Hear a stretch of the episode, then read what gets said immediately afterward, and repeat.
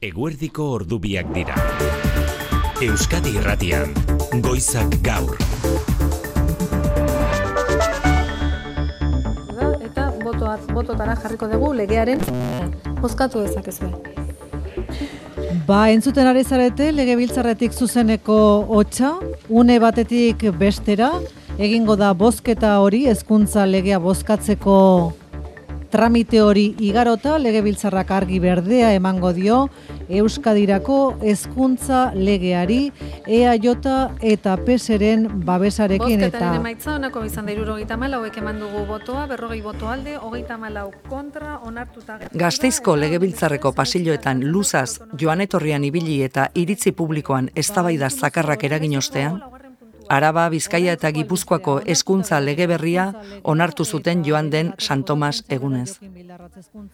Plaza publiko horretan landutakoak gure kultur kapitala belaunaldi berrien ganainoko eroale lana erraztuko ote duen, gero eta gehiagotan eteteko zorian dirudien kultursoka indartu ala ahuldu egingo ote duen, eragile ugariren gogoetagai da.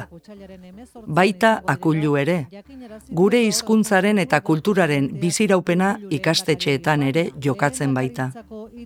Horren erakusle dira, besteak beste, Euskal Herriko ikasgeletan azken hamarkadetan aktibatu diren hainbat ekimen. Ongi etorri, ez gatoz paristik kultur podcastera. Parise banengo, Parise banengo, ez nago Parisen, ez nago Parisen.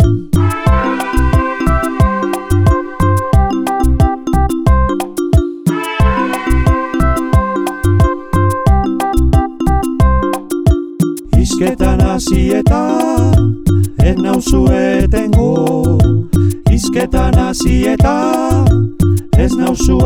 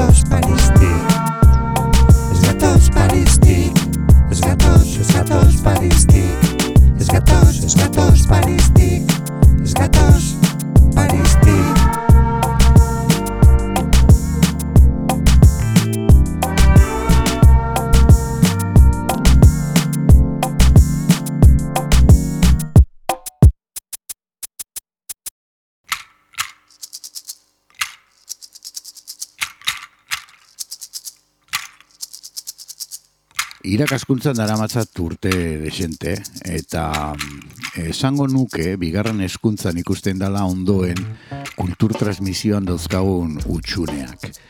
Adin horretan, bada ez daudelako bereziki emanak ez hizkuntzara, ez literaturara.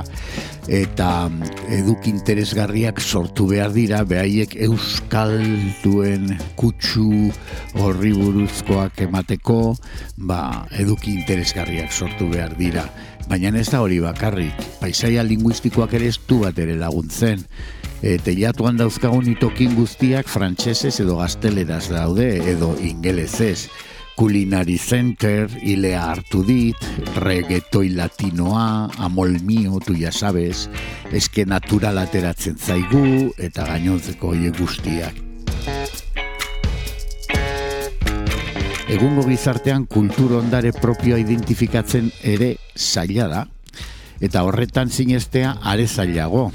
Ez du askotan sinesten gurean, eta zergatik ba gure inguruan bizi diren hizkuntza osasuntsu eta erraldoi hoiek hartzen ditugulako neurpide. Eta horrela betikotzen dugu konplexua. Elegoke gaizki jokaleko aldatzen hasiko bagina ez dakit eh, arazo horretarako terapeutarik dagoen, baina nik proposatuko nuke gure inguruan bizi diren hizkuntza txikiekin, ez bakarrik estatukoekin, estrategiak partekatzea. Nola doazkio gauzak Islandierari? Nola ebazten dituzte hauzi hauek eh, Danimarkan? Eta letoiak zer egiten du? Bueno, hoi guztiek estatu bat daukate atzean guk ez, baina ez gaitezen horrekin nekatu ez daukagu, momentuz ez daukagu. Baina kultur propioari atxikitzea funtsezkoa da egun batean horrelako zerbait lortuko bagenu. Irlanda bat izan nahi espadugu behintzat. Horren arira, biztan da kulturaren transmisioa eraginkorra egiteko Euskal Herriko biztanle orok hizkuntza kompetentzia egokia izan beharko lukeela. Eta ez dirudi bihargoizean lortuko dugunik. E, Euskal kultura gazteleraz edo frantsesez ezin da transmititu. Horrek folklorizatzera gara matzalako. Tokian tokiko hizkuntzari gabeko kultur transmisioa iruzur bat da. Eskoletan beste arazo bat. Egungo erreferente kultural nagusiak zaretatik eskuratzen dira eta danak edo gehienak edo volumen izugarri badago gazteleraz, frantsesez edo ingelesez. Eta horri aurre egiteko Euskaldungo txikionen indarrak ez dira nahikoak. Badira horri begira sortu diren ekimen interesgarriak, baina gehienak ekimen pribatuak dira. Diru publikoaren sustengurik gabe, edo kasurik onenean diru laguntza txiki batez lagundurik, hainbat kaso ezagutzen ditugu. Eta azkenik, irakasle prestatuak ere behar dira. Euskal kultura ezagutzen eta balioesten duten irakasleak, e, ondare kulturala identifikatzen dakiena. Jakina, aurretik esandako guztiak txiriko dira, eta zaila da kontu hau ebaztea. Ze behar da e, hau aldatzen hasteko ba, lan erraldoia eta euskal kulturarekin konprometituta dauden erakundeak ere bai. Ez daukagu horrelakorik Euskal Herri gero eta kompetenteago bat sortzen ari dira, ekonomiko kileiatxua, baina gero eta erdaldunagoa, gero eta irlandarragoa. Hezkuntzan zer egin? Ba, animoak eman.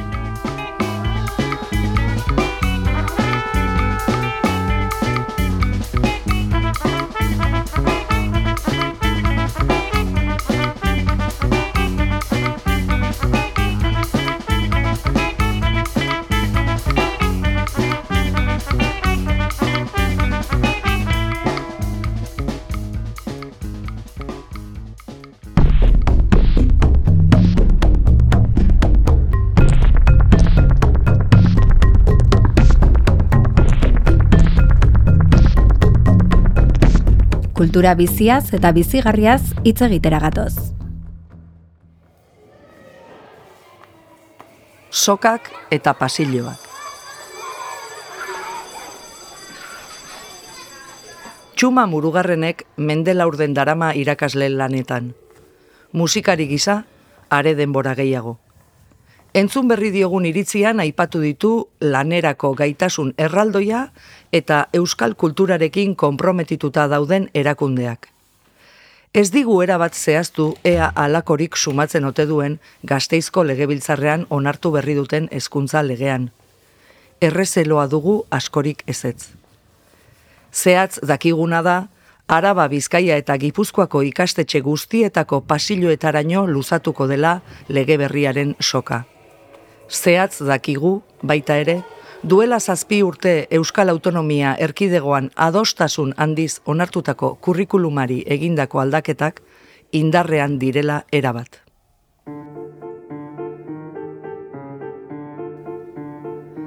Lege eta kurrikulum zahar zein berriak aztertuak ditu iratxe retolaza, literatur irakasle eta ikerlariak. Hezkuntza arautuaren inguruko kezka aspaldikoa du. Kezka horrek eraman zuen 2000 eta meretzian azpeitian egin ziren sormenean ezi kulturan bizi jardunaldietan aktiboki parte hartzera. Hasiera hori kokatza ere garrantzitsua da. Hain zuzen kulturtransmisioaren eta euskarazko kulturtransmisioaren inguruko kezka bagenuelako eta lehen jardunaldiak izan zen hezkuntza arautuaren inguruan. Ehun lagun inguru elkartu ziren jardunaldi haietan. Diagnostiko orokor bat egin zuten eta bertan jaso zuten Euskal Autonomia Erkidegoko 2000 eta amaseiko kurrikulumean idatzita zegoela Euskal Kulturak zehar lerro izan behar duela. Eta E, kurrikulunan agertzen zen Euskal Kulturaren zehar lerrotasun hori egiazki eskola guztietara iritsiko zen tresna modura garatzeko asmotan ginela, ba, batean hezkuntza legearen e, ba, proiektua eta prozesua jarri zen abian. Eta berezik eskatu gintuen, ba, atzera pausoak ikusi genituelako eta zehar lerro zen horixe kentzeko ba, ariketa bat egintzelako. Hezkuntza legearen lehen zirriborroan ageri ziren eta ageri ez ziren beste hainbat kontu ere zerrendatu ditu retolazak. Kultur transmisioaren aldeko taldearen ustez zuzendu beharrekoak. Ba, adibidez, etzela biatzen, egungo ergalitatearen e, irakurketa errealista batetik, ba, etzelako aipatzen azken urteotan egin ziren ikerketetan, ba, Euskararen e, gaitasunari begira, ezagutzari begira, eta erabideiarari begira zein egoeratan geunden. Etzela egoera diglosikoaz inolako aipamenik egiten, etzela euskal kultura berariaz eta zer lerro bezala lantzeko aipamenik egiten, garapen jasangarriaren inguruko hainbat ohar eginda zeudela, ba, krisi sozial batean geundelako eta horiei aurre egiteko hainbat bide garatu bat zirelako, baina horien artean e, ba, kultura gutxituaren eta hizkuntza gutxituaren e, inguruko inolako harriketzen egiten eta bueno, e, ekosistema zaintzearen aldeko hainbat e, aldarri egiten ziren eta ekosistema ba, naturala eta soziala aipatzen ziren baina kulturala eta linguistikoa ez? Eta bueno, Euskal Herrian egon da iruditzen zitzaigun ba, hori beharrezkoa zela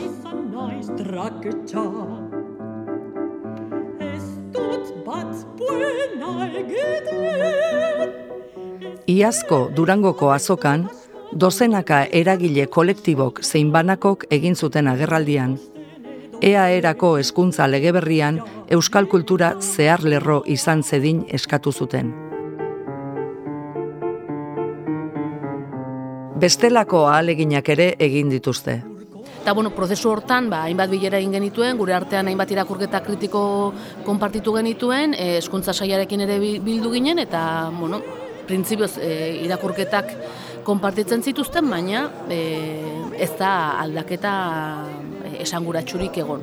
Nik uste, urratsak egin ditugula, eta karpen batzuk eh, jaso direla, eta adibidez, e, hasieran etzegoen e, euskal kulturaren inguruko inolako aipamenik e, kurrikulunare ere, eta aipamen bat egiten da, momentu batean esaten da, euskara gure hizkuntza propioa dela, eta izan behar duela nolabait arreta berezi bat, baina ez da esaten zehar lerro izan behar duela, ez da aipatzen euskal kurrikuluna. Behin onaino helduta, kulturari garrantzi gehiegi ematen zaiola pentsatzen ari zaren horri. Egia da, guk pentsatzeko, e, sentitzeko, behar dugun tresna bakarri gaudenean ere kultura da. Ez, kulturak elikatzen ditu gure barne munduak, bai, bai konektatzen komunitatearekin, baina baita geure burua bir pentsatzen ere.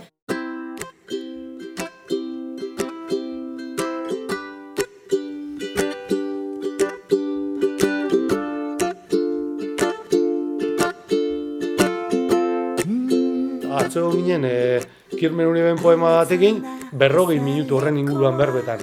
Hor e, munduari begiratzeko modu bat. Eta orduan, bueno, ba, eta zer da, zer da kultura, zer da munduari begiratzeko modu bat, zer, eta ba, zua zaude, ba, ba, ni honekin bai, baina honekin ez da. Bueno. Idazle, testu liburu gile, euskara eta literatura irakasle, denak gorputz bakarrean. Unai elorriaga hitzekin jolas egin eta irakurri zalea txikitandik. Amasei amazazpi urteko ikasleen artean, zaletasun kideren bat detektatzea eta elikatzea lortuz gero, bera pozik. Eta badaki ez duela lan erraza. Hor, gogatzen dute, institutu berri batera joan nintzen labin da, ze, emetik, eh, ona etorri baino, e, zenbat e, liburu irakurtzen zen dituzten ikastolan edo, e, bala, ba, nola liburu? Ba, urtean zema liburu edo ea, liburua osorik. ba, claro, osorik, ah, ez ez osorik, testu bat, hemen, gero igual kapitulo bat beste batena. Eta orduan sartu nien e, obabakoan. Kostatu izitza hemen, a ber, ezin zabete batxi ergoara heldu, liburu bat irakurri gabe. Baina eurentzako, urak irakurtzea da, ba, beste sasoi bateko, emeretzi garren mendeko zer bat belaunaldi arteko arrakala ez, pangea sortu zeneko talka tektonikoa deskribatzen du. Baina hezkuntza ez da fenomeno natural bat, eta hezkuntza lege berri orok kontuan izan behar luke hori. Mikel Aua igual esautuko dute. Etor, baina, ja, ez zara apurate eskizitoago jartzen, eta Ruper Ordorikan ordan, dire, ipez. Eta gero geografiare, bai, ez, nik eh, galdetu izan dut inoiz. E, a ber, zara utzen duen dau, araban, erantzuna. Araban dauela esaten mozuz, ja, horrek ez du esan nahi, bakarrik ez dakizula geografia. Horrek esan nahi du ez dakizula, eser. Osea, ez dakizula, ez, ze euskalki dagoen, ze jende modu dagoen, bizi dira beste zer baten, beste mundu baten. Orduan, kau, oso zaila batzuetan, ba, testuak eta lantzea, ze, kau, heldulekoak falta zaizkie. Hori da adibide bat, ez, baina, horako mila daude. Gauza askorekin gertatzen da hori, ez, helduleku falta. Kau, alegeak ez badu bermatzen hori, jargaitezen eta egin dezagun kulturan aldeko eta Euskal Herria zer dan eta non bizi garen eta apurat kontestualizazio bat, ze bestela, ostra, nik ikuste ditute nire lankide batzuen zerak eta bai, satzaizki guke aditzak eh, lantzen. Satzaizki guke aditza lantzen zabiz eta ez dakik duzu dagoen zarautz eta zer dan gipuzkera. Kontestualizatzeko, heldulekuak lantzen hasteko estrategia batzuk ere garatu ditu. Nik alegin egiten dut, ba, gauza diferenteak egiteko, ba, kurso hasteko, esate baterako egiten dugu mailoko bat literatura lantzeko eurek egite dute tableroa, eta, eta badoaz, jolasten doa, ez da gero, segun ze kasillatan jausten diren, ba, hor testu bat irakurri behar dabe, eta testu hori interpretatu, eta ondo interpretatu eskero, aurrera doa, txartu interpretatu atzera doa, eta bueno, egiteko jolasak eta erakarri harriten zaie. Oin, egia da, alako baten programazioan badago, e, venga, hasi behar da, masi garre mendetik, etxe pare, gero leizarragaren Biblia, gero bestea, axular, hori egiten zaie, hola, a ber, dena, apaiz bat ere zer den ez dakite. Ba ez, ez dakite. Letaniarik ez eurei. Hor ba gaude, ez dakibula fraile bat zer dan, gau, esan, eh, asaldu axular, asaldu leizarraga, Claro, irentzako da hori beste planeta bateko eta eta aspergarri iten zaie. Aspergarria. Itz klabea. Amaika mila bider entzundakoa. Interes gutxikoa, eskasa eta antzeko beste bezala. Arrazoi askogatik. Aurreiritziengatik ere bai retolazaren ustez. Euskal kulturaren inguruan, kultura hori itzepile bat ditugu. Gizarteko, e, gizarte nagusitzen diren ikuspegia direlako, eta azkenan kultura e, boteretsuak indarra dutelako estereotipoiek iraunarazteko. Osa, hori da haien boterea elikatzeko tresna bat, estereotipoak eta aurreritziak elikatzea. Ba, guk aurreritzi horien arabera, e, eten ditzagun e, berez egingo genituzken e, jardun batzuk. Klimaldatzen da, aroz, Etartaldeak Iruditzen zai, sensibilizazio hori kultura aurreritziak hausten e, astekoa oso garrantzitsua dela irakasle eta ikasleentzat, guztiontzat, oza, komunitatean egin bar dugun eh, bide badela eta gurasoentzat. Azken batean kultura aurreritzi horiek elikatuta elikatzen dira e, egunero gizartean eta kultura aurreritzi horiek e, hautsi bar ditugu. Doño zar honek Sorgindu nindu enean Sinetxitan nengoen Edertasunik merezi Ez nuela korronte honek Irakasle tituluarekin sartzen da egun eskolara. Baina Unai Elorriaga sei nobelaren eta antzeslan baten idazlea ere bada. Eta amabi urte egin zituen autonomo, idazletza ogibide bilakatzeko ahaleginean. Ikastetxeetako pasilloetara jauzi egitea erabaki zuen arte. Ordurako, makina bat ikasgela korritua zuen bere liburuei buruz ikasleekin hitz egiten. Beste batzuk ari dira orain alako lanetan. 2000 eta hogeita bi, 2000 eta hogeita iru ikasturtean, zazpireun eta amaika saio egingo dituzte irurogeitik gora idazlek Euskal Herrian zehar. Eta amasei milatik gora ikaslek izan dute aukera irakurri berri duten liburuaren egileari iritzia emateko eta eskatzeko, galderak egiteko. Sormenetik azteko eta ikasteko. Mila bederatzireun eta larogeita amarrean ernetu zen gaur egun erabat normalizatuta dagoen idazleak ikastetxeetan programa. Prozesu horretan eragile aktibo izan zen Mariasun Landa idazleak, onela kontatu du berriki elkarrizketa batean. Bene-benetako iraultza izan zen aurreta gazte literatura irakaskuntzan onartzea. literatura alegia. Oso gauza berria zen hori eta eraginkorra. Hortxe adibide bat, hezkuntza sistema arautuak kulturaren soka eten ez dadin egin dezakeen ekarpenarena.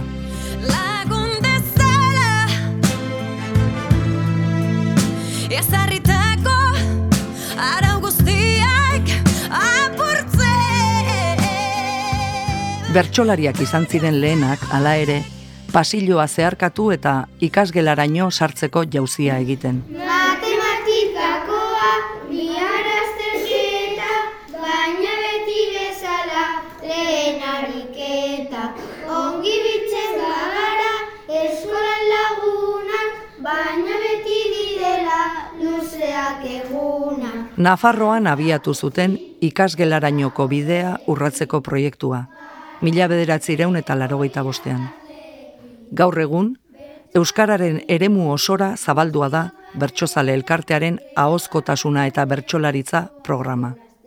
Ikasturte honetan, Euskal Herriko berreun eta hogeita amabost herritan ari da. Bosteun eta amairu ikastetxerekin elkarlanean. Horren ondorioz, hogeita hamar milatik gora ikasle ari dira bertsolaritza lantzen berrogeita amabost irakaslerekin. Izan sare publikoan, izan ikastola kontzertatuetan, izan kristau eskoletan.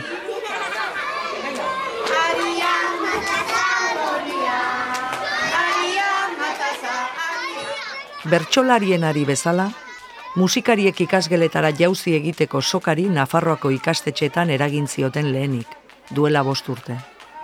2000 eta hogeita batean zabaldu zen musikariak ikastetxeetan programa Araba Bizkaia eta Gipuzkoara.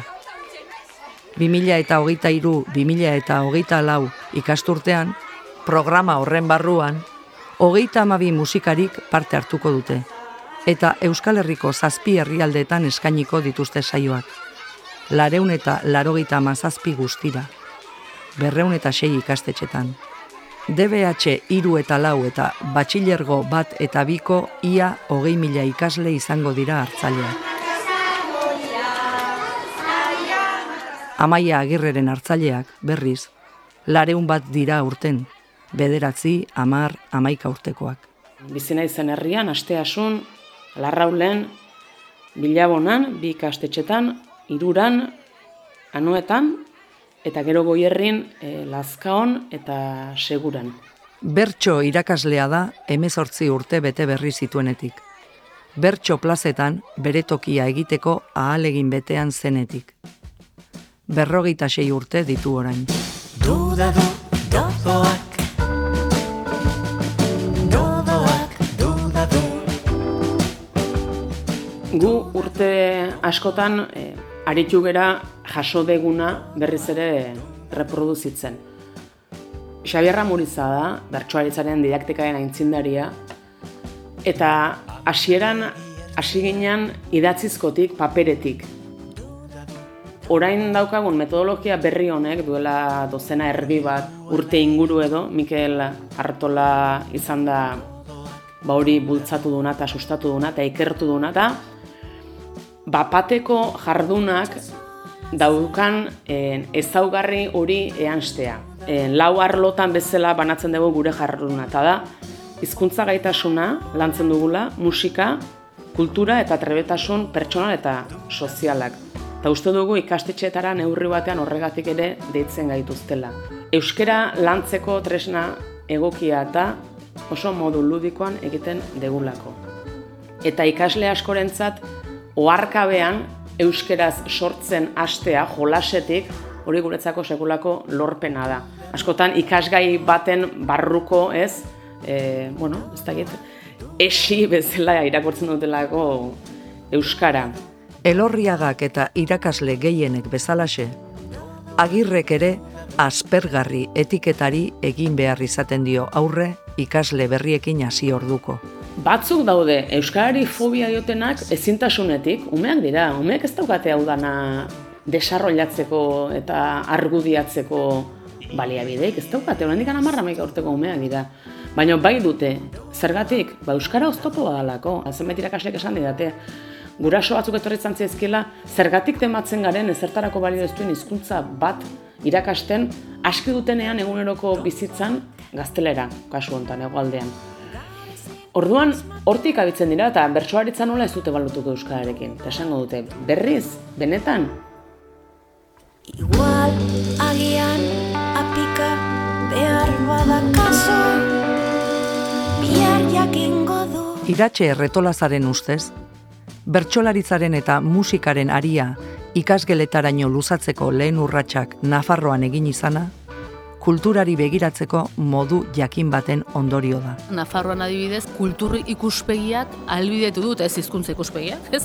Albe, albidetu du bertsolaritza ikastetxetara sartzea lehenago eta musikariak ikastetxetan lehenago sartzea, azken batean, ba, ondare kulturalen parte e, ikusten zenez, e, bueno, kulturan ikuspegi horrek hori erraztu du. Eta egia da azkeneko urteotan, ba, e, EIBZ denak, Euskara lantzeko eta irakaslentzako tresnak e, lantzen dituen zentroak, ba, landu izan zuela literaturaren didaktika, ba, orain arte iralen ere lantzen ez dena, eta oso garrantzitsua Euskara eta literatura ikasgairako, eta sormen digitala ikasgaiare abian jarri duen zuena, hain zuzen ere, kultura lantzeko digitalidadetik, euskaratik, eta, eta barreta bat aitzindaria atzera egiten hasia da baina.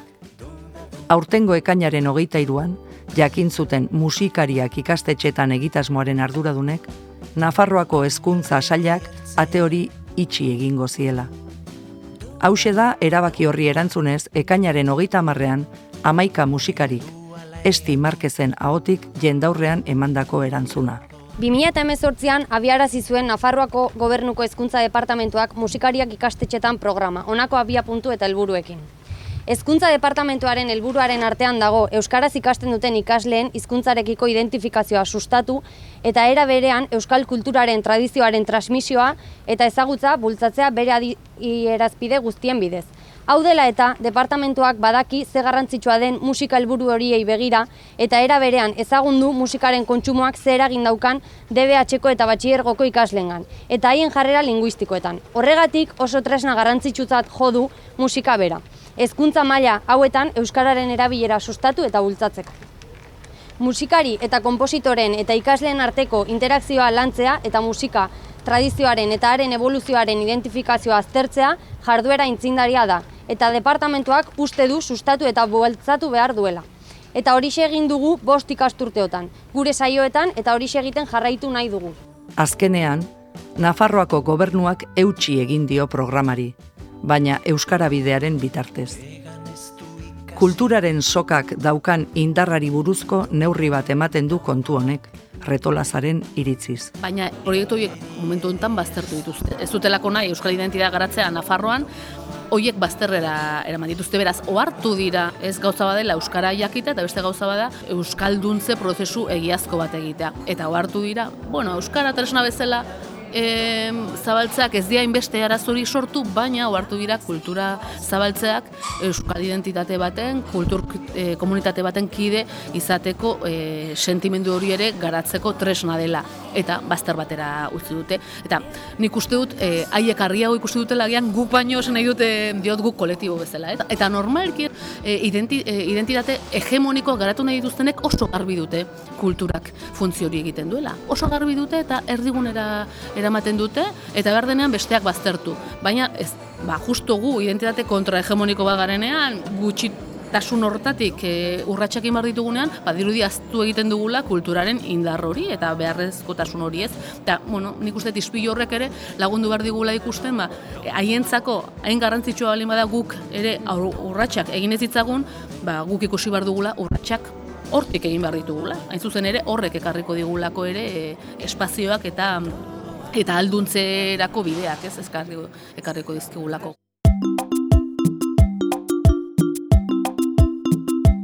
Ez gatoz Paristik Kultur Podcasta.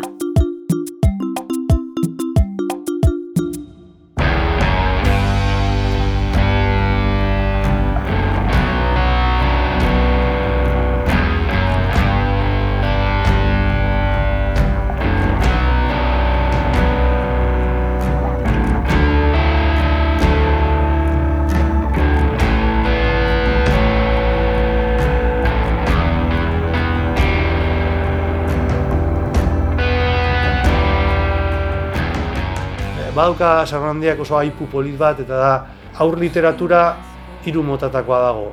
Aurra loarazteko, aurrari amets egin araztekoa, eta aurra esnaraztekoa. Eta gero esatu du, e, zailkapen honek nagusientzako literatura ere balio du.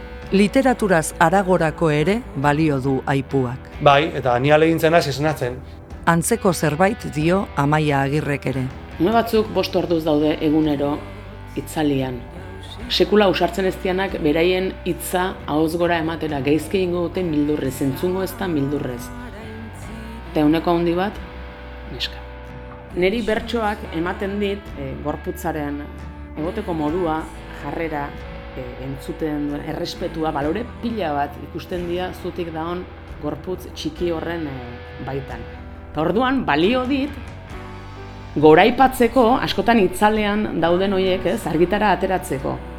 Eta nik hoiei garrantzia ematen baldin badiet, bi iru minutu eskentzen baldin badizkiet, ez da izu gorputzaren jarrera nola aldatzen dan, eta begirada lurretik nola altxatzen duten. Irakasleak ez dio ikasteari uzten sekula, agirreren eta elorriagaren ustez. Ikasketa prozesu horretan, gozatu egiten dute biek. Biek dute akorduan, irakasle kutxun bana. Akarregi, Angelia Akarregi. Lehenengo irakaslegoa Tarantxa Mujika da, baditu laro dutetik gora, baina hendik bizi da, oso oso ondo dago, gaina. Eta askotan eskertu izan diot. Uste dalako, ba, bera izan zala. Berari esker euskal kulturaren garrantziaz jabetu nitzala eta buruz ikastearen balioaz e, uste dute bere eskutik jaso nula eta, eta beti aipatu eta beti eskertuko diote da. Irakasleak, itzalaren eta argiaren, jakin minaren eta jakintzaren, hezkuntzaren eta sormenaren arteko ateetako maratilak irekitzeko giltzak. Hain baliagarri eta hain baliabide gabe, retolazaren esanetan. Badago sare bat beste esparru batzuetan alkularitza jasotzeko eta esparru hontan, ez? Eta ez, bad, ez baduzu formaziorik izan, ze ez dute izan, ze aurretik ez dago bermatatua ez unibertsitateetan, ez graduetan, ez ondoren irakasleen formazioan ez dago euskal kulturaren e, formazioa bermatuta, egin bar dena da bide hori errastu. Alda, alba da irakasleen formaziorako egitura sortu, baina ondoren ere alba da e, baliabide horiek ere e, konpartitzeko sareak e, eraiki ez. Horretarako ba omen dira ariak. Legeak alde zein kontra izan. Ba, ba, dakit ez, e, ba, ez dakit, ueuk euskal kurrikuluna birpentsatzeko ariketa egin, egiten ari dela, e, uezin badagola, ez, euskal kulturaren eragiratzeko masterra, eta horre, ba, ezkuntza moduloak daudela, eta hori tresna bat izango dela, ezkuntzarako bai e, formatzeko jendea, baina baita ere tresnak sortzeko zabal daitezen da bar. 2008an e, jardunaldiak egin genituenean, eta guz, gugeu saretzen hasi ginen urtean, ez zauden horiek, orain badaude ea proiektu hauek zer ematen duten eta han eta hemen e, ez, ekarpenak eginda ba, bueno, lortzen dugun behintzat ba, baliabide batzuk sortzen eta sentsibilizazio lan bat egiten irakaslekin. Zen ikustet irakasleek mm, badute kezkata beharra eta gogoa alako gaia lantzeko, baina oso bakarrik daude. Pasilloak, gelak, atariak, zoko guztiak baliatu beharko dira, gure kultur sistemari eutxiko dion orubea egonkortzeko. Hori da ez dagoena da, euskal kulturaren inguruko e, xirimiri bat eraikiko duen e, ziurkutu bat. Eta xirimiri hori behar da. Zenbat abeste dakizkigu, zenbat antzerkiren berri dugu, zenbat libururen berri dugu, gu nahi ez dugula beste hizkuntza batzuetan sortu direnak. Gu bila joan gabe informazio hori etortzen zaigu hainbat bidetatik, baita supermerkatura sartzen zarenean ere. Ze xirimiri dugu euskal kultura transmititzeko, edatzeko, bueno, bintzat jakimin hori sortzeko ez bada gu geu e, bilagoa zela, ba oso gutxi ez. Eta da hori eraiki bar da ere ikastetxetik kanpo.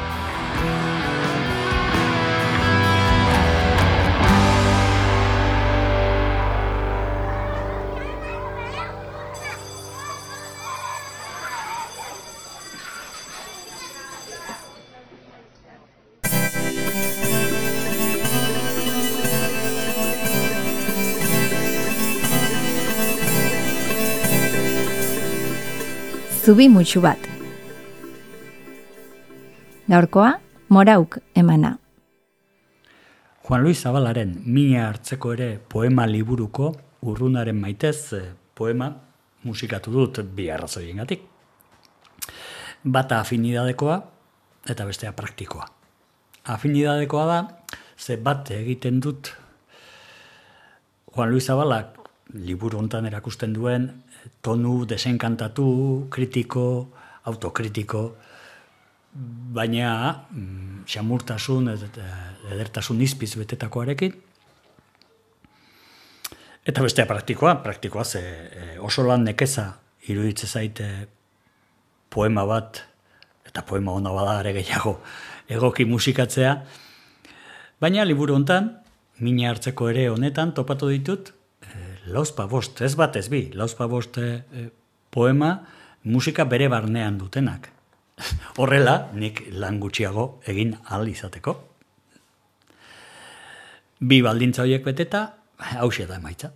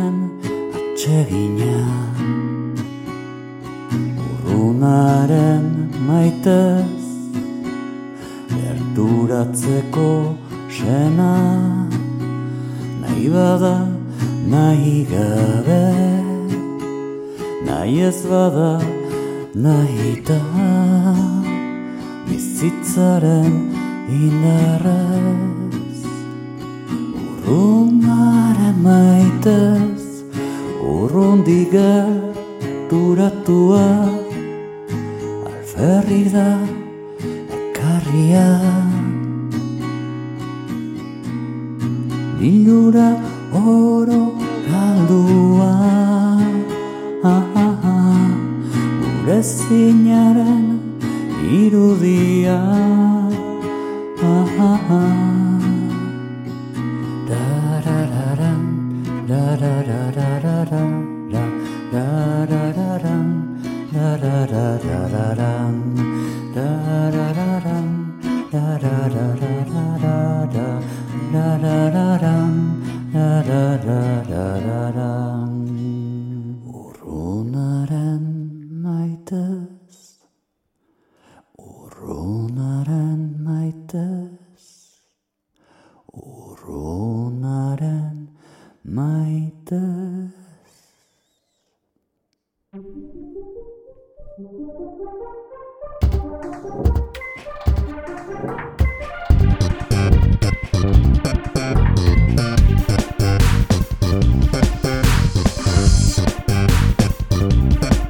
Bizi aizi.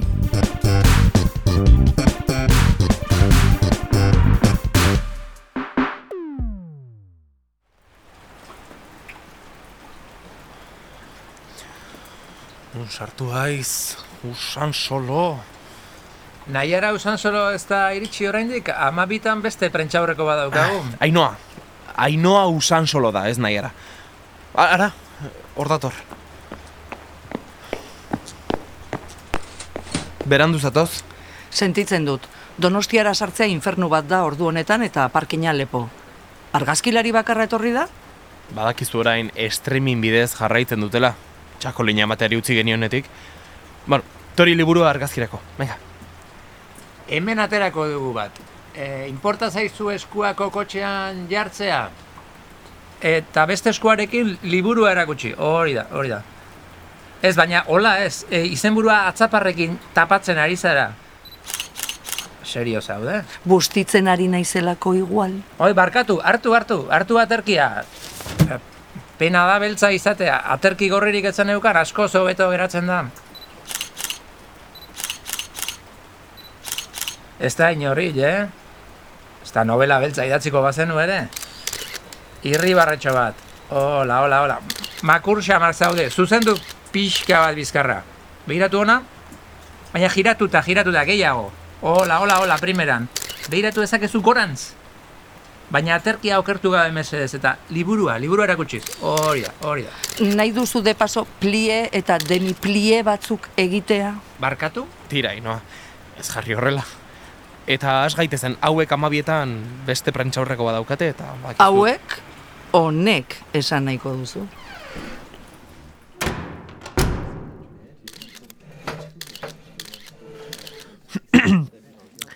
Eguerdion eta mila esker prentxaurrekora hurbiltzagatik, ezagutzen ez nauzuen ontzat igorrez izan naiz, bele beltza argitaletxeko editorea. Gaur, haino hausan soloren ipuin bilduma berria aurkeztera gatoz. Izenburu luze eta deigarrea jarri di oraingoan, batzuek geure bihotzak jartzen ditugu, beste batzuek euren bisturiak sarditzaten. Izenburu horren zergatiarekin abiatu gaitezke agian, hainoa? Bai, egunon. Egia esan, Paul Valeriri egindako omenaldi bat dago hemenatzean. Funtxean uste baitut bizitzaren aurrean har daitezken jarrera anitzen artean, bi nagusienak bi horiek direla. Klixearen arabera bihotzak ordezkatzen duen sentimenduen lehentasunezko narratiba bat. Batetik, eta zelan baiteko narratiba analitiko bat bestetik balizko arrazoiaren menekoa eta bisturi hotz, gordin eta aldi berean zehatzak ordezkatuko lukena. Modu simboliko metaforikoan... Eh, bai, bai, bai, eh, jakina. Dikotomia hori hautsi eta mistura bat, nahasketa bat. Mhm. Austuraren ondorengo batazbesteko asimetriko bat aldarrikatzen du ipuin liburu honek. Agonismo kexati utxetik aragoko biktimizazio topikoaren arriskuetan erori gabe eta argiaren bila beti ere. Beti, bai, bai. beti ere, ipuinetan argia bilatzea e, e, erabat i, ba, importantea delako, ez da? Emango zenuke mesedez laburpen bat gaztelaniaz? Aukeran, nahiago ez. Batzuek geure bihotzak jartzen ditugu, beste batzuek euren bisturia sar ditzaten. Ipuin bilduma, hausnarketa luze eta mingarri baten emaitza izan da. Okerrez banago ez da inoa? Alaxe izan da. Zazpi urten eramatzan argita. Ze, ondo xamar joan da ez da? E, orain gora bihotzak saiora joan behar dugu. Izenburuak atentzioa eman die eta zerbait egin nahi dute zurekin eta kardiologo batekin. Ah, e, hemen duzu kontratua sinatu gabe daukagu oraindik. Badakit ez dela merezi duzun aurrerapena, baina... hauxe. Irureun euro? Tira. Parkina nik ordaindu dizut. Hori bai gorde justifikantea, eh? E, jarri irratia, ea kronika entzuten dugun? Literaturari dagokionez, Naiara usan solok batzuek... Jode, hainua jartzen naizela? Beste batzuek euren bisturiak zar ditzaten novela aurkeztu Ze? zazpi urteko isilaldiaren ondoren. Biktimen alde paratu nahi izan du oraingoan usan solok bizitzaren aurrean dauden jarrera posible bien artean hauta daitekeen bakarra hori delakoan. Bestalde, etzi ospatuko da eta ungo mondeju lehiaketa. Usaina, zaporea, epaketa eta nahasketarako osagaien txikitze tamaina hartuko dira kontutan besteak beste. Tira, gutxienez liburuaren izenburua ongi esan du. Ez da?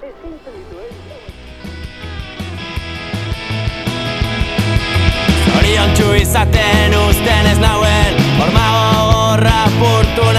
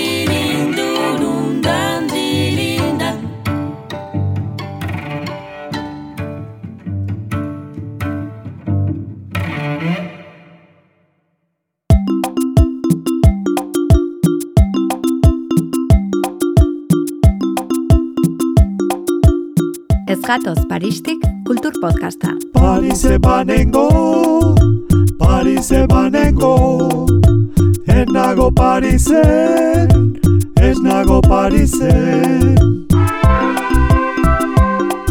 Sintonia, Iban Uritza Ramorantek Nemesio Etxanizen Paristik natorren kantutik abiatuta. Ibitzi aizi, Arkaitz kanok idatzia eta kanok berak Xante Agirrezabalak eta Amagoia Gurrutxagak lokutatuta. Soinu errealizazioa Ander Mujikak. Gidaritza Amagoia Gurrutxagak. Esker bereziak Kultura Zazpitiko Kultur Kooperatibari eta Amaia San Vicenteri. Lan artea, Euskararen langile profesionalen elkarteak ekoitzitako podcasta. Zergatik ez dute gurutik Korri zati, abere atxatatorren ingurutik Baina benetan dia, ez gatoz paristi. Ez gatoz paristi Ez gatoz, ez gatoz paristi. Ez gatoz, ez gatoz paristi Ez gatoz, ez gatoz.